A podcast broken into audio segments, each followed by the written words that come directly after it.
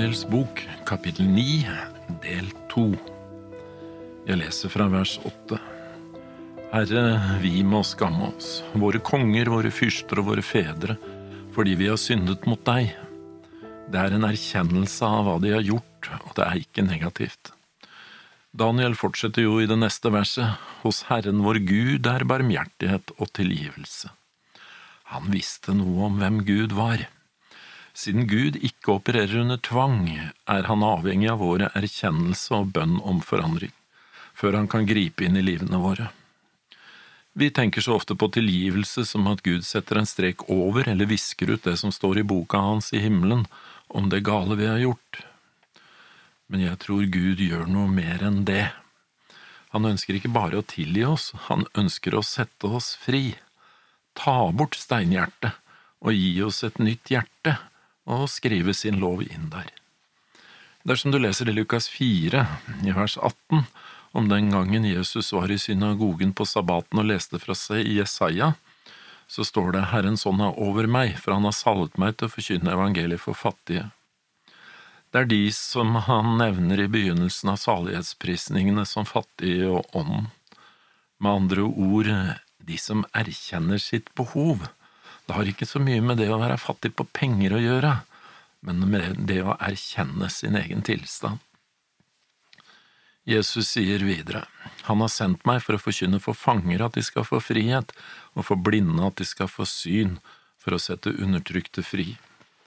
Både frihet og fri er oversatt fra det greske ordet afesis, som betyr nettopp det å sette fri, frihet, det å tilgi.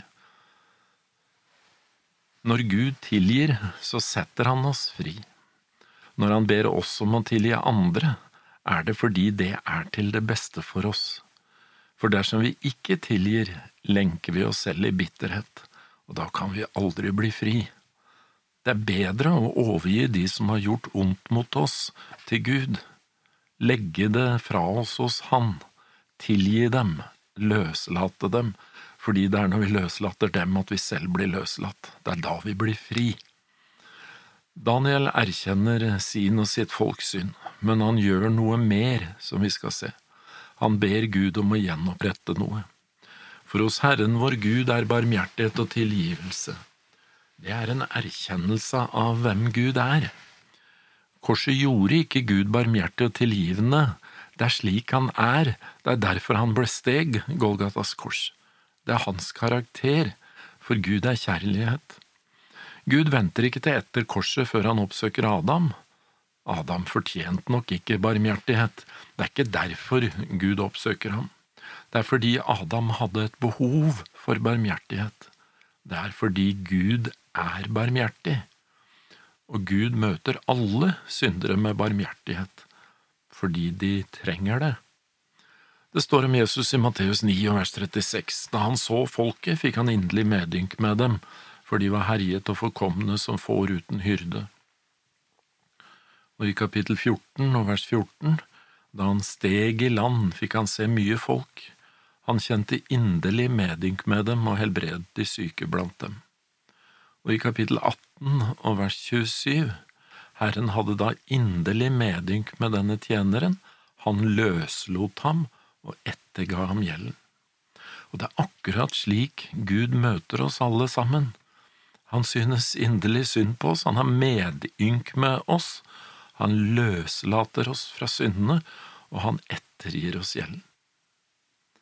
Daniel eh, vet det, han har sett det, og han har opplevd det i sitt eget liv. Derfor er det ikke skremmende eller farlig for han å erkjenne sin synd, og derfor fortsetter han for vi har satt oss opp imot ham.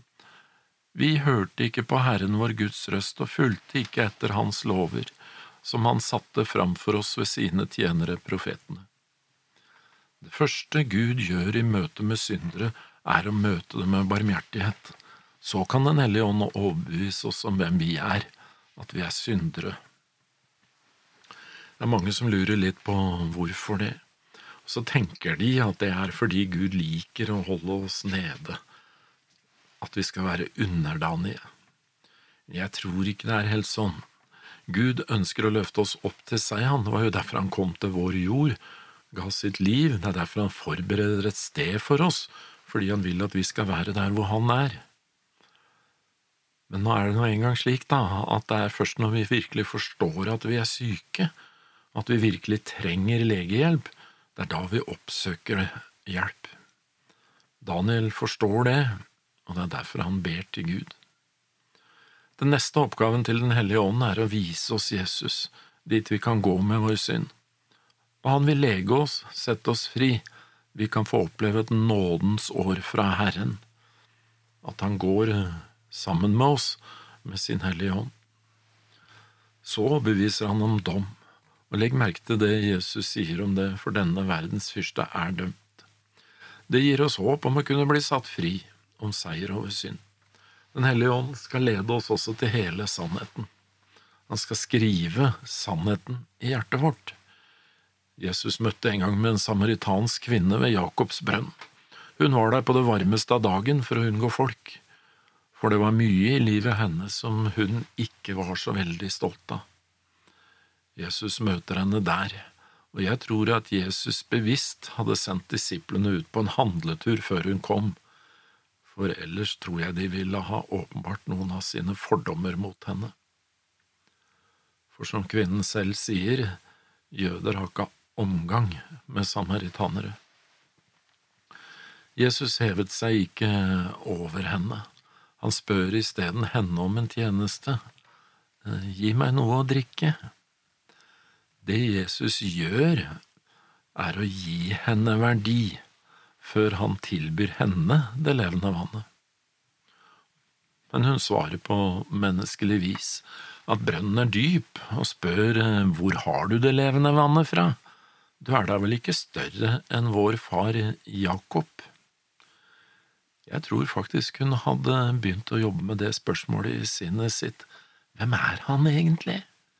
Kan han være større enn vår far Jakob? Jesus svarte og sa til henne, Hver den som drikker av dette vann, blir tørst igjen, men den som drikker av det vann jeg vil gi ham, skal aldri evighet tørste. Men det vann jeg vil gi ham, blir i ham en kilde med vann som veller fram til evig liv.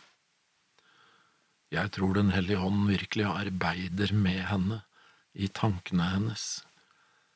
Jesus er ingen trussel for henne. Hun forstår at han har noe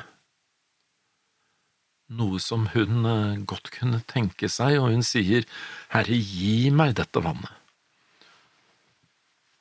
Og så sier eh, Jesus til henne, Gå og hent din mann, og kom så hit.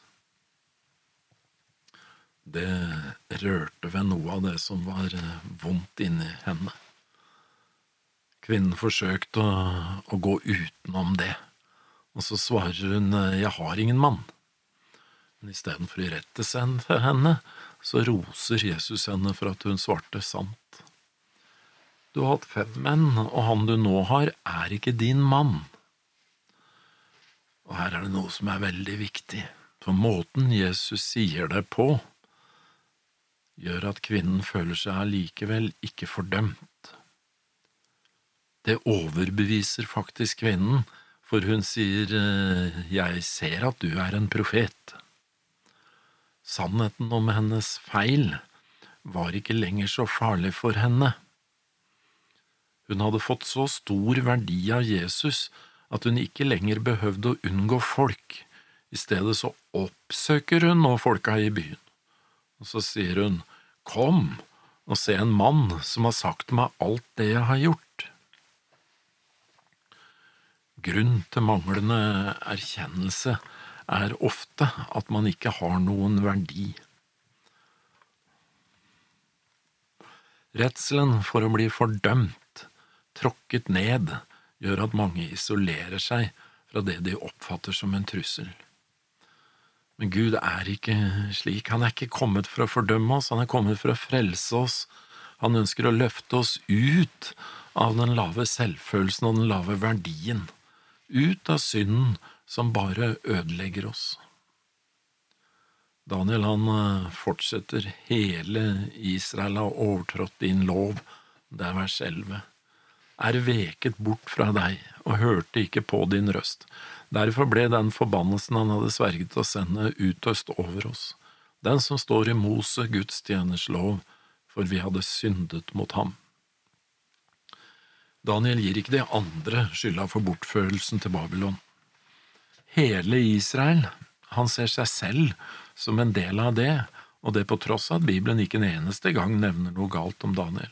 Tvert om, i Esekel 14, 14 så står det, og selv om da disse tre menn, Noah, Daniel og Jobb, var der i landet, da skulle de ved sin rettferdighet bare kunne berge sitt eget liv, sier Herren Herren. Det betyr ikke at de i seg selv kunne berge seg selv, men at den rettferdighet de hadde fått fra Gud, ikke var noe de kunne dele ut til andre. I vers tolv så står det han har stadfestet det ordet som han har talt mot oss, og mot våre dommere som dømte oss. Profetene hadde advart. De hadde vært Guds røst til folket, de hadde talt ord fra Gud, men folket ville ikke høre og fortsatte i sitt frafall. Han førte over oss en ulykke så stor at det ikke under hele himmelen er hendt noe slikt som det som er skjedd i Jerusalem. Han eh, førte over oss. Egentlig var det de selv som førte ulykken over seg selv ved å ignorere det Gud hadde sagt. Det fikk som konsekvens at Gud måtte trekke sin beskyttelse tilbake, og da lå veien åpen for babylonerne. Vers 13, etter det som står skrevet i Moselov, kom all denne ulykke over oss, men vi søkte ikke å mildne Herren vår Guds åsyn vi omvendte oss ikke fra våre misgjerninger og aktet ikke på din sannhet. Så kan vi jo spørre oss selv, da, hvordan er det med oss i dag? Er det skremmende for oss å erkjenne at vi er kommet til kort? Ikke for Daniel. Han erkjenner, og legg merke til at derfor kan også Gud gjøre noe for han. Jeg erkjenner også at jeg har vært en del av et frafall fra Gud. Hva har jeg gjort med det som står i Guds ord? Har jeg eh, hørt på Herren min Guds røst, det som profetene har sagt, inkludert den profeten Gud har sendt spesielt til oss i dag? Eller eh, setter jeg min egen mening foran det og mener at det betyr ikke det som står? Jeg tror at eh, diagnosen Gud har gitt i Laudikea-budskapet, er riktig for menigheten og oss i vår tid. Men å lese Daniels bønn gir meg håp, og det gir meg mot, for nettopp det at han ydmyker seg innenfor Gud, gjør at Gud kan løfte han opp. Det gir Gud rett til å gripe inn i livet hans. Og dersom du studerer Laudikea-budskapet, så vil du se at det er også et veldig positivt budskap. Se, jeg står for døren og banker. Om noen åpner, da vil jeg gå inn til han og holde nattverd med han, og han med meg. Men det er vi som må velge å åpne døra, som må erkjenne og be han om å komme inn. I vers 14 fortsetter Daniel, derfor hadde Herren stadig ulykken for øye og lot den komme over oss. For Herren vår Gud er rettferdig i alt det han gjør, men vi hørte ikke på hans røst. Legger du merke til hvor mange ganger han gjentar det med å høre på hans røst? Jeg tror det er veldig viktig å høre på Guds røst gjennom de profetene han har kalt å skrive i sitt ord. Gud tillater at vi møter prøvelser og vanskeligheter. Det er ikke for å plage oss, men for å åpne våre øyne, slik at vi kan bli klare over vårt behov vers 15. Og nå, Herre vår Gud, du som førte ditt folk ut av landet Egypt med sterk hånd, har vunnet deg et navn som det er på denne dagen. Vi har syndet og vært ugudelige. Herre, etter alle dine rettferdige gjerninger, la nå din vrede og harme vendes bort fra din stad Jerusalem, ditt hellige bjerg. For på grunn av våre synder og våre fedres misgjerninger er Jerusalem og ditt folk blitt til spott for alle dem som bor omkring oss. Så hva slags harme er det Herren har, og som Daniel ber han om å vende bort fra Jerusalem? Det skal vi se mer på neste gang.